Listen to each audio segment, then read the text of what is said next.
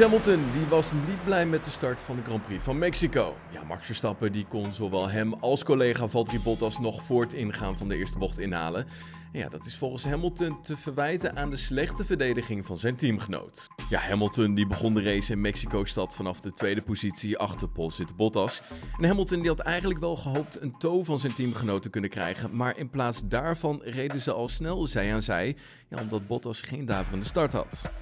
Ik had het me natuurlijk anders voorgesteld. In die zin dat Valtteri een betere start zou hebben en ik kon proberen toe te krijgen. Maar goed, toen zat ik ineens naast hem, wat in principe goed was. En toen probeerde ik gewoon mijn kant van de baan af te schermen om ervoor te zorgen dat er niemand binnendoor kon komen.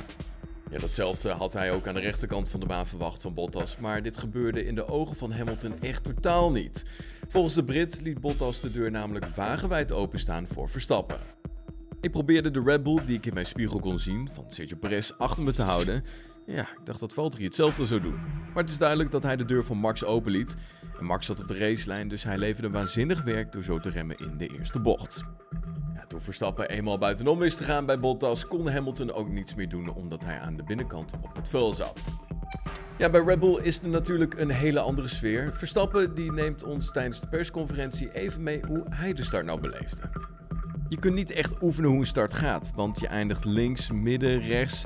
Het hangt er vanaf wat er gebeurt. Nou, toen ik eenmaal aan de buitenkant en eigenlijk op de racelijn zat, wist ik precies waar ik ging remmen. En zoals wij het op dit moment vertellen, klinkt dit heel makkelijk, maar op dat moment is het helemaal niet eenvoudig. Het is altijd een gevaarlijke, vooral omdat de auto aan de binnenkant volledig in de modder staat, omdat niemand daar echt rijdt.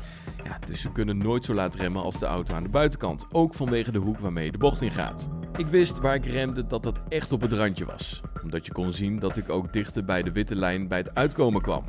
Ja, dus wist ik dat als iemand later aan de binnenkant zou remmen, hij zeker van de baan zou zijn gegaan. Dus ja, ik ging er gewoon voor en het werkte. Kijken we nog even naar de stand bij de constructeurs. Red Bull beleefde mooie weken. Ook in Mexico wist de renstal goede zaken te doen. Polzitter Valtteri Bottas die kon na touché met Daniel Ricciardo nooit meer lekker in de race komen. En finishte hij uiteindelijk ver buiten de punten. En op die manier kon Red Bull dus dichter bij Mercedes komen. Ook Ferrari doet goede zaken. De Italianen lijken na de motor-update duidelijk de nummer 3 van het veld te zijn. En na de race in Mexico nemen zij die positie dan ook daadwerkelijk over van McLaren. Goed, dat was hem dan het GP-fans nieuws van de maandagochtend. Deze middag zijn we er gewoon weer, dus niet getreurd. Heb je genoten van deze aflevering? Laat van je horen op onze Apple Podcast pagina of volg ons op Spotify. Zie je dan weer. Hoi.